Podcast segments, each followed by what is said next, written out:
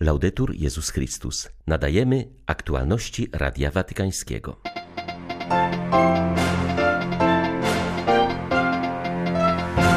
Skuteczna walka z przemocą wobec kobiet zależy od wzorców, jakie proponujemy dziś młodzieży i od pomocy oferowanej rodzinom, mówił papież na audiencji dla przedstawicieli włoskiej policji. Chińskie władze naruszyły umowę z Watykanem. Mianowany został biskup pomocniczy dla nieuznawanej przez papieża diecezji. Przerwy w dostawie prądu poważnie utrudniają codzienne życie na Ukrainie. Aktualnie największym zadaniem dla Caritas jest dostarczenie generatorów, mówi pracujący w Charkowie ksiądz Wojciech Stasiewicz. 26 listopada witają Państwa ksiądz Krzysztof Ołdakowski i ksiądz Tomasz Matyka. Zapraszamy na serwis informacyjny. Aby skutecznie zwalczyć plagę przemocy względem kobiet, nie wystarczą wyspecjalizowane organy czy działania represyjne. Potrzeba jedności i współpracy przede wszystkim w dziedzinie prewencji, mówił papież na audiencji dla przedstawicieli włoskiej policji, którzy specjalizują się w zwalczaniu przemocy względem kobiet. Podkreślił, że prewencja jest bardzo ważna, bo ten rodzaj przemocy wynika często z postaw kulturowych, głęboko zakorzenionej mentalności i uprzedzeń. Widzieliśmy, że pandemia wraz z przymusową izolacją zaostrzyła niestety pewne dynamiki w domu. Rodzina nie może być tym pozostawiona sama sobie.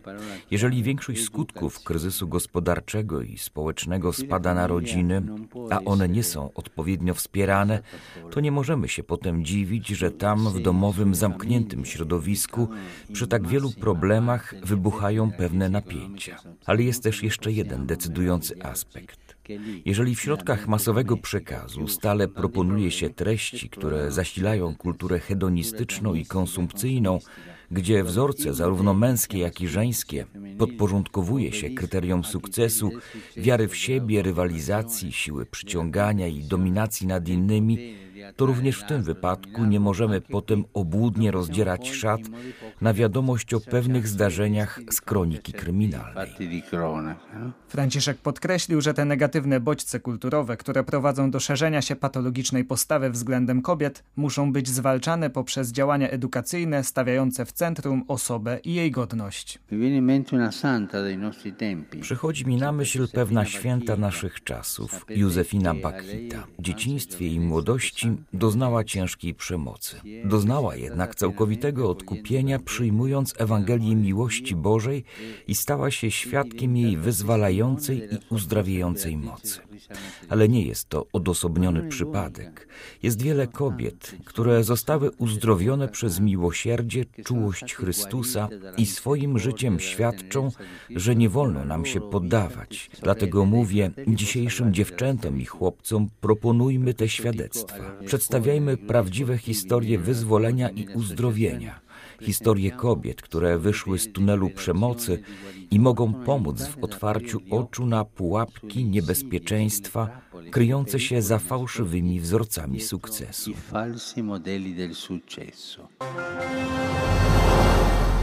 Podczas audiencji dla Unii Przełożonych Generalnych Zakonów Męskich papież wręczył uczestnikom tekst przemówienia, w którym nawiązał do tematu ich obecnego spotkania, wezwani do bycia rzemieślnikami pokoju. Franciszek podkreślił w nim, że pokój Jezusa jest jego darem i owocem miłości. Papież zwrócił uwagę, że osoby konsekrowane poprzez swoją postawę powinny stawać się proroctwem daru pokoju, w pierwszej kolejności przez budowanie mostów wewnątrz swoich wspólnot zakonnych. Ojciec Święty podkreślił także znaczenie synodalności w życiu zakonnym. W tym kontekście należy podejmować refleksję nad sposobem rządzenia, aby nie popaść w autorytarne, a czasem wręcz despotyczne sposoby sprawowania władzy, które niosą w sobie nadużycia sumienia oraz te natury duchowej, stanowiące podatny grunt dla przestępstw seksualnych.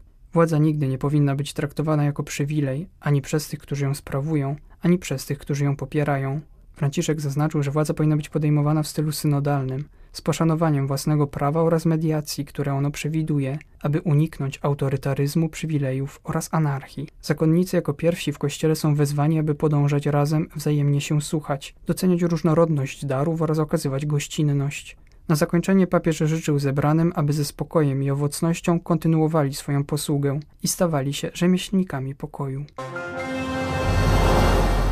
Chińskie władze naruszyły umowę z Watykanem w sprawie mianowania nowych biskupów. Przedwczoraj odbyła się bowiem ceremonia objęcia urzędu przez biskupa Johna Penga Wei Chao jako biskupa pomocniczego w nieuznanej przez papieża diecezji Jiangxi.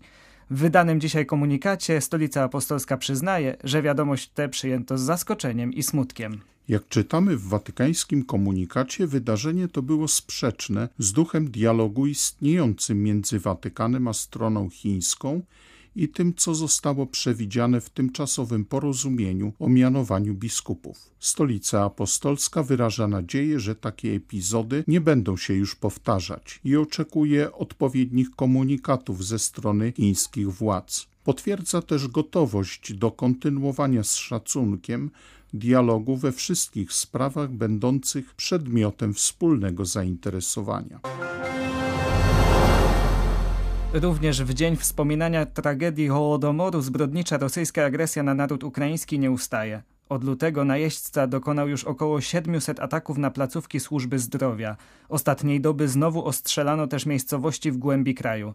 Ale można powiedzieć w ten sobotni ranek, że nie zważając na cierpienia, na krew i łzy, na częściową ciemność z powodu braku elektryczności, na chłód jaki przeżywamy, Ukraina stoi, walczy i modli się, wskazał dziś arcybiskup Światosław Szewczuk. Podróże Braty i sestry. Małżonkowie, bracia i siostry, całe rodziny są dzisiaj rozdzielone. Płaczą wdowy zmarłych bohaterów, jak mają przy tym wychować swoje dzieci. Jedna kobieta w żałobie pytała mnie obok trumny swego męża, jak dalej żyć? I czasem zadajemy sobie pytanie, jak w tej sytuacji wesprzeć człowieka. A jak można wesprzeć dziecko, które straciło swego tatę, swego brata lub siostrę? Tak ważnym jest umieć współodczuwać. Pocieszenie, możliwość bycia razem, choćby zwyczajnie w ciszy, to coś tak cennego. Chcę dziś szczególnie podziękować Ojcu Świętemu Franciszkowi, który wczoraj dokonał bezprecedensowego gestu wsparcia, solidarności jedności z narodem ukraińskim.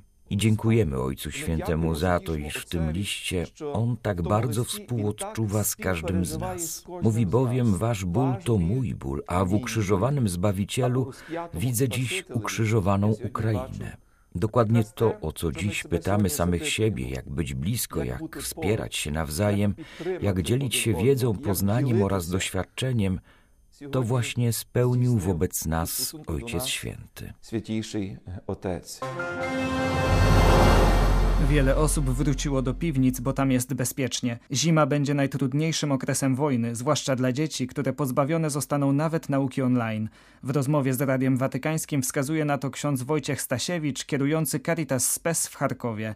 Polski kapłan, który już dziesiąty wojenny miesiąc niestrudzenie organizuje pomoc, podkreśla, że aktualnie wiele pilnych wyzwań rodzi brak prądu. Najbardziej deficytowym towarem na Ukrainie są obecnie generatory prądu, powerbanki, piecyki na drzewo, lekarstwa i ciepła odzież. Dojeżdżamy ze wsparciem również na tereny wyzwolone, a tam potrzeby są ogromne, mówi ksiądz Stasiewicz. Rejon, w którym niesie pomoc, obejmuje tereny najbardziej ostrzeliwane przez rosyjskiego agresora. No, sytuacja, jeśli chodzi o energię, gaz i wodę, to jest aktualnie taki najbardziej nurtujący temat i doświadczenie ludzi, bo, bo są bardzo często przerwy. Są rejony w Charkowie, które są pozbawione najczęściej po jakichś atakach rakietowych na wiele dni. Niektóre części są pozbawione wtedy tam na kilkanaście, kilkadziesiąt godzin, ale przede wszystkim mówimy też o zimie, czyli ogrzewanie w tym momencie też jest unieruchomione. Jest to sytuacja no, bardzo problematyczna i taka niespodziewana, prawda?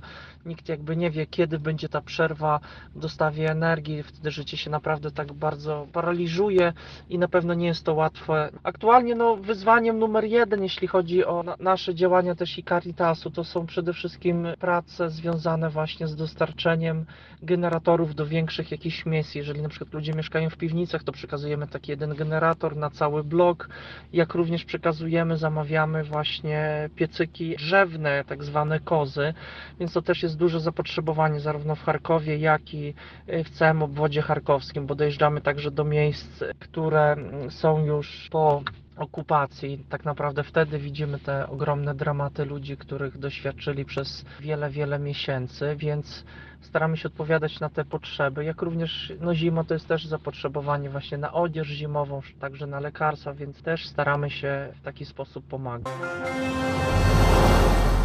Doszło do kolejnego porwania księdza w Nigerii. Ofiarą padł ojciec Peter Ebang Ochang, proboszcz na placówce misyjnej pod wezwaniem świętego Szczepana. Lokalne gangi, grupy ekstremistyczne i nacjonalistyczne rozszerzają swoje wpływy, siejąc strach i przemoc. W czwartek ojciec Ohang wraz z kilkoma innymi osobami z Towarzystwa Świętego Judy udał się w podróż do stolicy Nigerii, by uczestniczyć w jednym z wydarzeń kościelnych. W drodze zostali napadnięci i zaciągnięci do buszu. Obecnie nie ma żadnej informacji o tym, kto ich porwał, ani gdzie przebywają.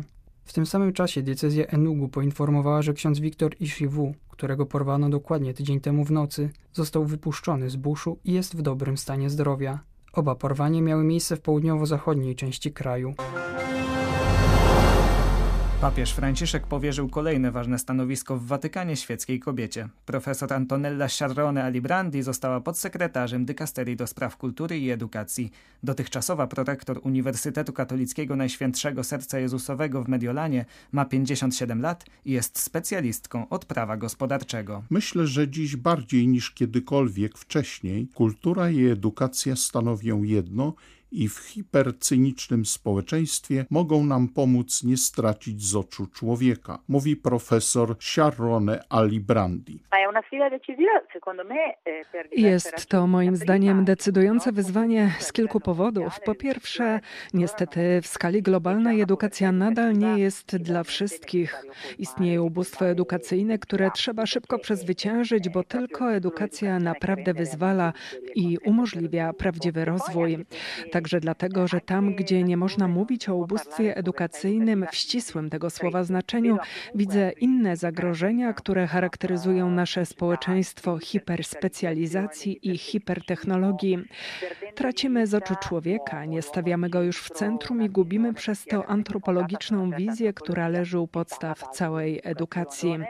Wracając do mojej nominacji, dodam, że cieszy mnie to, że Franciszek dokonał w ostatnich latach prawdziwej małej rewolucji tak silne docenienie przez niego świeckich wydaje mi się naprawdę ważne, ponieważ wyraża ideę Kościoła, który jest naprawdę powszechny i w którym każdy z nas może wnieść swój mały wkład w budowanie pięknej mozaiki.